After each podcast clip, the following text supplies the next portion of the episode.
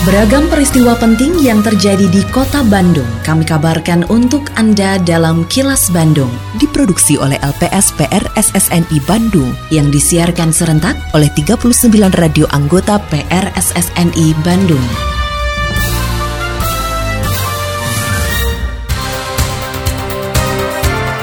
Sejumlah informasi aktual kami hadirkan untuk Anda dan inilah informasi utamanya. Dishub Kota Bandung sediakan bus bandros di Masjid Raya Al-Jabar. Bandara Hussein diharapkan tetap beroperasi. Cakupan signifikan Jawa Barat optimis jadi provinsi pertama bebas polio. Saya, Santika Sari Sumantri, inilah kilas Bandung selengkapnya.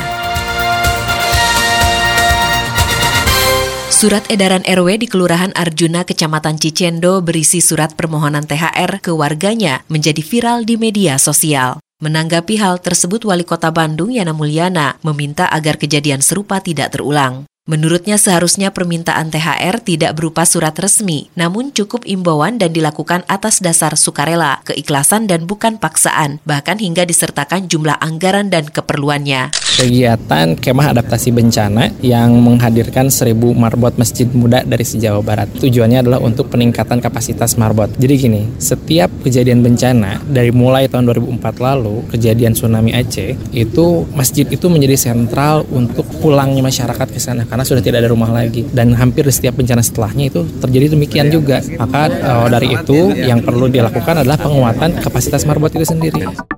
Dinas Perhubungan Kota Bandung menyediakan angkutan bus bandros di Masjid Raya Al-Jabar Gede Bage untuk mengurangi kemacetan akibat parkir kendaraan pengunjung yang datang. Kepala Dinas Perhubungan Kota Bandung, Dadang Darmawan, mengatakan bandros tersebut digunakan untuk mengangkut pengunjung dari lahan parkir di Stadion GBLA ke Masjid Raya Al-Jabar dan sebaliknya. Dinas Perhubungan Kota Bandung menyiapkan 6 unit angkutan terdiri dari 3 bandros dan 3 unit bus reguler yang standby dari pagi hingga petang. Fasilitas tersebut disediakan gratis bagi para pengunjung Masjid Raya Al-Jabar yang parkir di Stadion GBLA. Kita membantu memfasilitasi para pengunjung yang akan melaksanakan ibadah atau datang ke Masjid Al-Jabar. Nah, kita sediakan bandros dan di sekolah kita untuk mengangkut dari tempat parkir ke Masjid Al-Jabar karena untuk kendaraan kendaraan-kendaraan besar kemarin kan tidak boleh langsung masuk ke Masjid Al-Jabarnya. Kita fasilitas gratis Pak. Jadi seperti yang memang disampaikan oleh pihak provinsi juga bahwa untuk akses ke ini kan gratis Pak.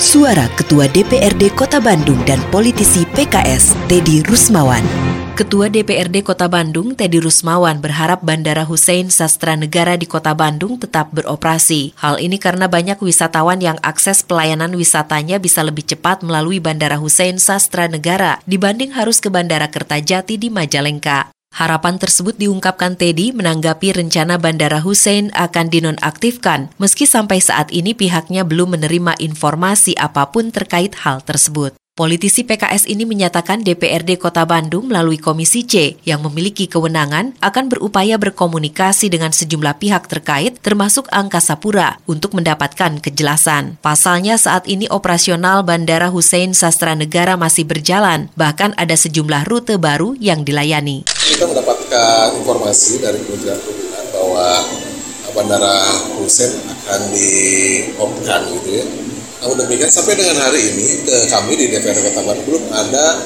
informasi apa pun dan banyak warga juga yang menanyakan kepada kami. Kami juga memandang perlu pihak Kementerian Perhubungan menjelaskan secara rinci gitu kapan dioperasikannya uh, Kertajati untuk rute apa karena menyangkut terkait dengan kedatangan pariwisata para apa wisatawan dari luar kota Bandung gitu. Kalau memang sudah tidak ini ya tentu harus jelas. Namun demikian, kebanyakan warga kota Bandung mengharapkan bahwa Bandara Hussein ini tetap bisa dimanfaatkan walaupun mungkin untuk rute-rute terbatas. Dengan kata lain, tidak dimatikan sama sekali gitu Bandara Hussein ini. Jadi pesawat-pesawat kecil yang seperti hari ini beroperasi, saya berharap bisa tetap dipertahankan. Tapi untuk yang pesawat besar, jet, silakan untuk uh, memanfaatkan uh, Kertajati.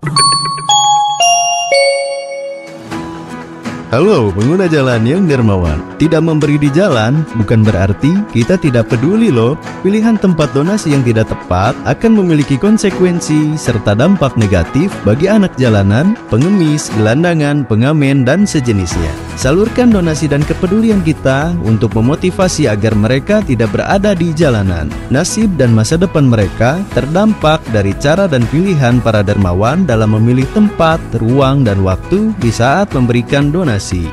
Hati-hati di jalan ya. Semoga niat baik kita semua disertai tanggung jawab moral dan memiliki kebermanfaatan.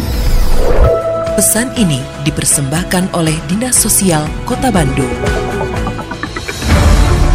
Kini, audio podcast siaran Kilas Bandung dan berbagai informasi menarik lainnya bisa Anda akses di laman kilasbandungnews.com.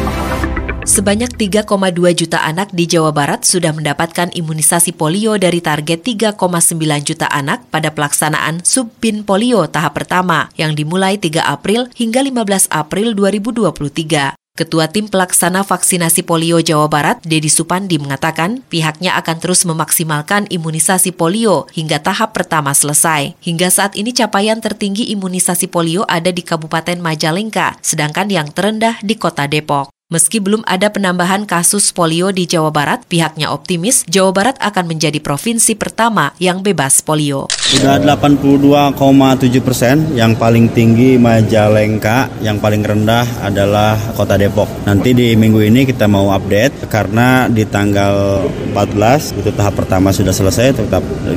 Mudah-mudahan kita targetnya di tanggal 15 bisa mencapai di 95 persen, tapi rata-rata sudah 82,4. Depok sendiri kendalanya terjadi perbedaan antara jumlah target yang ditentukan melalui surveillance dengan jumlah target yang ditentukan oleh kementerian. Makanya Pak Wali Kotanya sedang mengajukan permohonan target yang disesuaikan dengan hasil surveillance.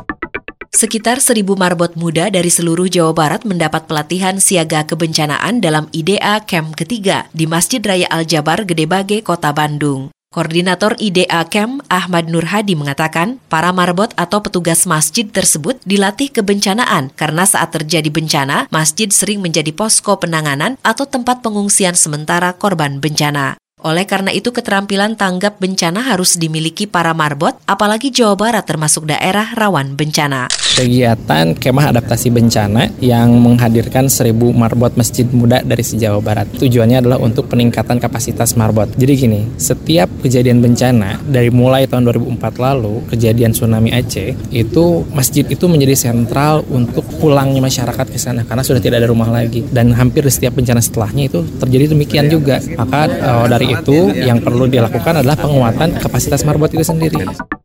Menjelang Hari Raya Idul Fitri 1444 Hijriah, PT PLN bersama Kementerian BUMN menggelar kegiatan mudik gratis. Manajer Komunikasi dan TJSL PLN Unit Induk Distribusi Jawa Barat, Dindin Mulyadin mengatakan, pada mudik gratis ini pihaknya menyediakan 5 bus dengan kapasitas 225 kursi untuk tujuan Bandung Cirebon, Bandung Pangandaran, dan Bandung Sukabumi. Menurut Dindin, masyarakat yang ingin mengikuti program mudik gratis bisa mendaftar melalui aplikasi PLN Mobile hingga 15 April 2023, sedangkan pemberangkatan dilakukan pada 18 April 2023. Agenda kolaborasi dengan Kementerian BUMN ini bertujuan untuk membantu masyarakat agar bisa mudik dengan aman, nyaman, dan lebih ramah lingkungan.